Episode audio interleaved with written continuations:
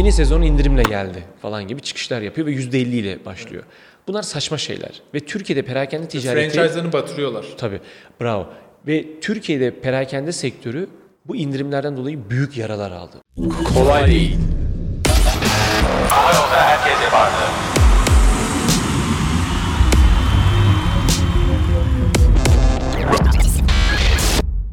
Herkese merhaba. Kolay değil, hoş geldiniz.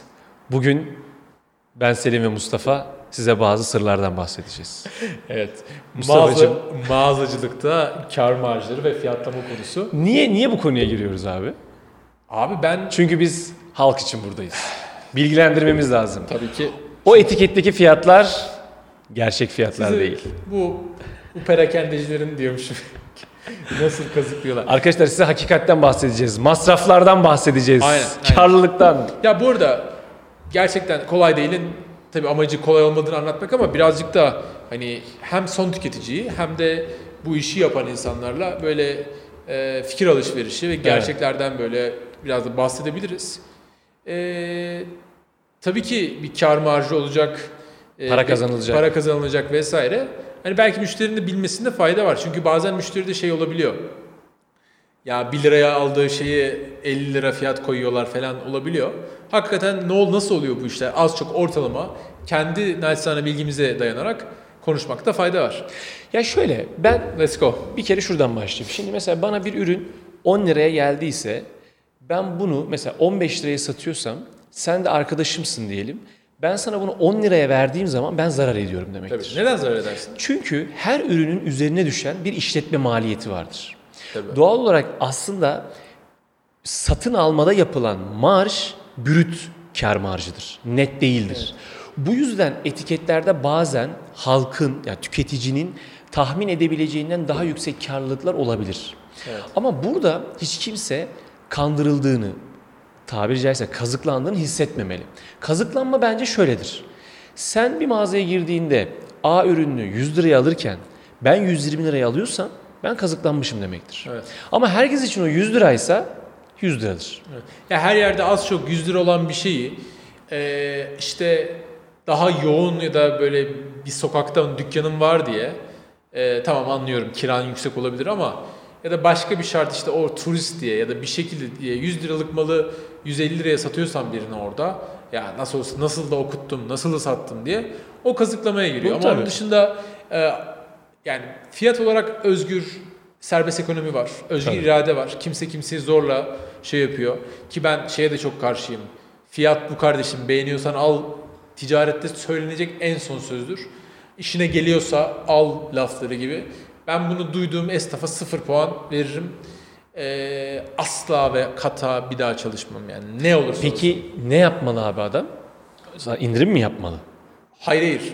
Bu söz asla söylenmemelidir Ha, tabii müşteriye. tabii. Yani, Çirkin bir düşünce. Yo, Yani müşteriye bu, müşteriye işine geliyorsa fiyatın Tabii, bu arkadaş çok yanlış. denmez. Kesinlikle. Müşteri dünyanın en gıcık, en sorunlu insanı bile olsa gerçekten yapamıyorum kusura bakmayın vesaire gibi açıklarsın ama asla bunu dememelisin. Tabii. Ben e, bu arada bu demin dedi bu hikaye toptan ticaret değil yani perakende müşterisi olarak da bir yere gittiğimde son tüketici olarak biri bana bunu diyorsa gerçekten çok irite oluyorum. Bu asla denmeli de. Tü- ticaretle uğraşan biri bu lafı diyemez, dememelidir. Tabii. Bu kırmızı çizgidir yani. Peki bir mağazaya girdik. Bir ceket beğendin. Ceketin fiyatı 750 lira. Kaç liraya almıştır abi bu adam bunu? Niye? En kusuratlı rakamlardan girdin. 1000 lira. Evet doğru kolay hesaplıyorum doğru söylüyorsun. Ya ben hesaplarım Ceket- matematiğim bayağı iyi de yani. Bana anlatmıştın matematiğe bedenci girmişti sizin listede. evet 1000 TL'lik bir ceket beğendik. Gaziantep Odası'nda okudum. Bayağı en iyi okudum. Şu meşhur değil mi ya matematiğe bedencilerin girdiği okul. evet abi 1000 liralık bir ceket kaç TL'ye alınmıştır da sana 1000 liraya satıyordur o mağaza? Abi 1000 liralık ceket için ceket biraz daha genel yani takım elbise ve orada marjlar değişebiliyor da e, genel olarak bir tekstil ürünü mağazalarda eğer üretici değilse, üretici nedir mesela? Örneğin hani mesela Kiel gibi markalar e, Kendi fabrikası kendi olan. fabrikası olan veya işte fason da üretse çok uygun fiyata üreten markalardır ama daha çok çok markalı yani multi brand dediğimiz çok katlı mağaza da olabilir Boyner gibi veya işte bir Super Step gibi bir ayakkabı dükkanı da olabilir, mağazası da olabilir. Ee, bunlar çeşitli markaları alıp satan firmalardır. Bunda üretmez genelde bir şey. private label'ları ayrı tutuyorum yani. Kendi başka marka adında aslında kendi üretim markaları olan private label'ları. Şimdi bu açıklamadan sonra 1000 liralık ürünü genelde hedef olarak 500 liraya almaya çalışırlar yani ortalamadadır. Bunun bazı kategorilerde daha ucuza, daha bazılarını daha pahalıya da alırlar. Ee, 1000 liraya sattığı ürünü 500 liraya alır. Ee, o 1000 liralık ürünlerden sezon içinde çeşitli indirimlerde satar bazısını. Ki buna da markdown denir yani. Bu markdownlar düşüldüğünde bir paçal kar marjı kalır. Çünkü sen 1000 liraya 10 tane ürün alıyorsan, satıyorsan e, bu sattığın ürünlerin kimisini o- 1000 liraya satarsın. Kimisini %30 indirimle 700 liraya, kimisini %50 sezon sonu indirimde maliyetine bile satabilirsin. 500'e satarsın belki Paçalda, %50 ile. Paçalda belki 500 liraya aldığın ürünü ortalama satış rakamı ortalama olarak belki 680'e 700'e gelir. Ee, e sen şimdi 700'e satmışsın ortalamada. 500'e almışsın. Alışlar hep sabit. 200 lira kar etmişsindir gün sonunda brüt kar. E o 200'den de İşletme maliyeti. işletme maliyetlerini düşersin. Kira vesaire finansman maliyeti ne kadar para bağladın ıvır zıvır. Ve bir kar marjı gün sonu net kar marjı kalır. Ee, ama üretici ise yine ortalama konuşuyorum. Bu marjlar yani bu bire alıp ikiye satmalar buna bir iki markup denir ticarette bizim. Ee, bu marjlar 1'e 4, 1'e 5'lere kadar üretebiliyorsan çıkabilir. Zaten belki tüketiciler merak ediyordur. Yani ya adam nasıl yüzde, adam %50 indirim yapıyor, satabiliyor. Ne, marj koyuyorsa e, gerçekten bu arada eğer stoğunu temizlemeye çalışmıyorsa %50 böyle sürekli %50 indirimde bir şey satabiliyorsa bir dükkan demek O ki öyle ayarlamıştır etiketleri eğer Fiyat- sürekli. Tabii yani fiyat marj yapısı ona göredir. Yani büyük ihtimal o e, 100 liraya ürettiği ayakkabıyı işte 500 lira fiyat etiketi koymuştur. E, %50 indirime düştüğünde bile 250 Allah bereket versin çok ciddi %150 gibi bir kar marjı çıkıyordur. Evet ya burada Durum tabii böyle. şöyle bir şey var. Her markanın, her firmanın maliyetleri farklı.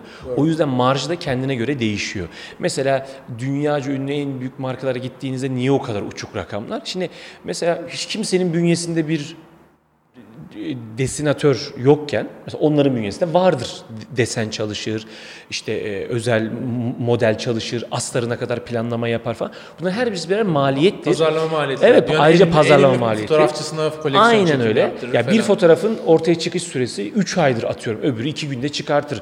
Bunların her birisi birer maliyet olduğu Doğru. için ve bu da ona bir katma değer kattığı için fiyat o bağlamda yükselir.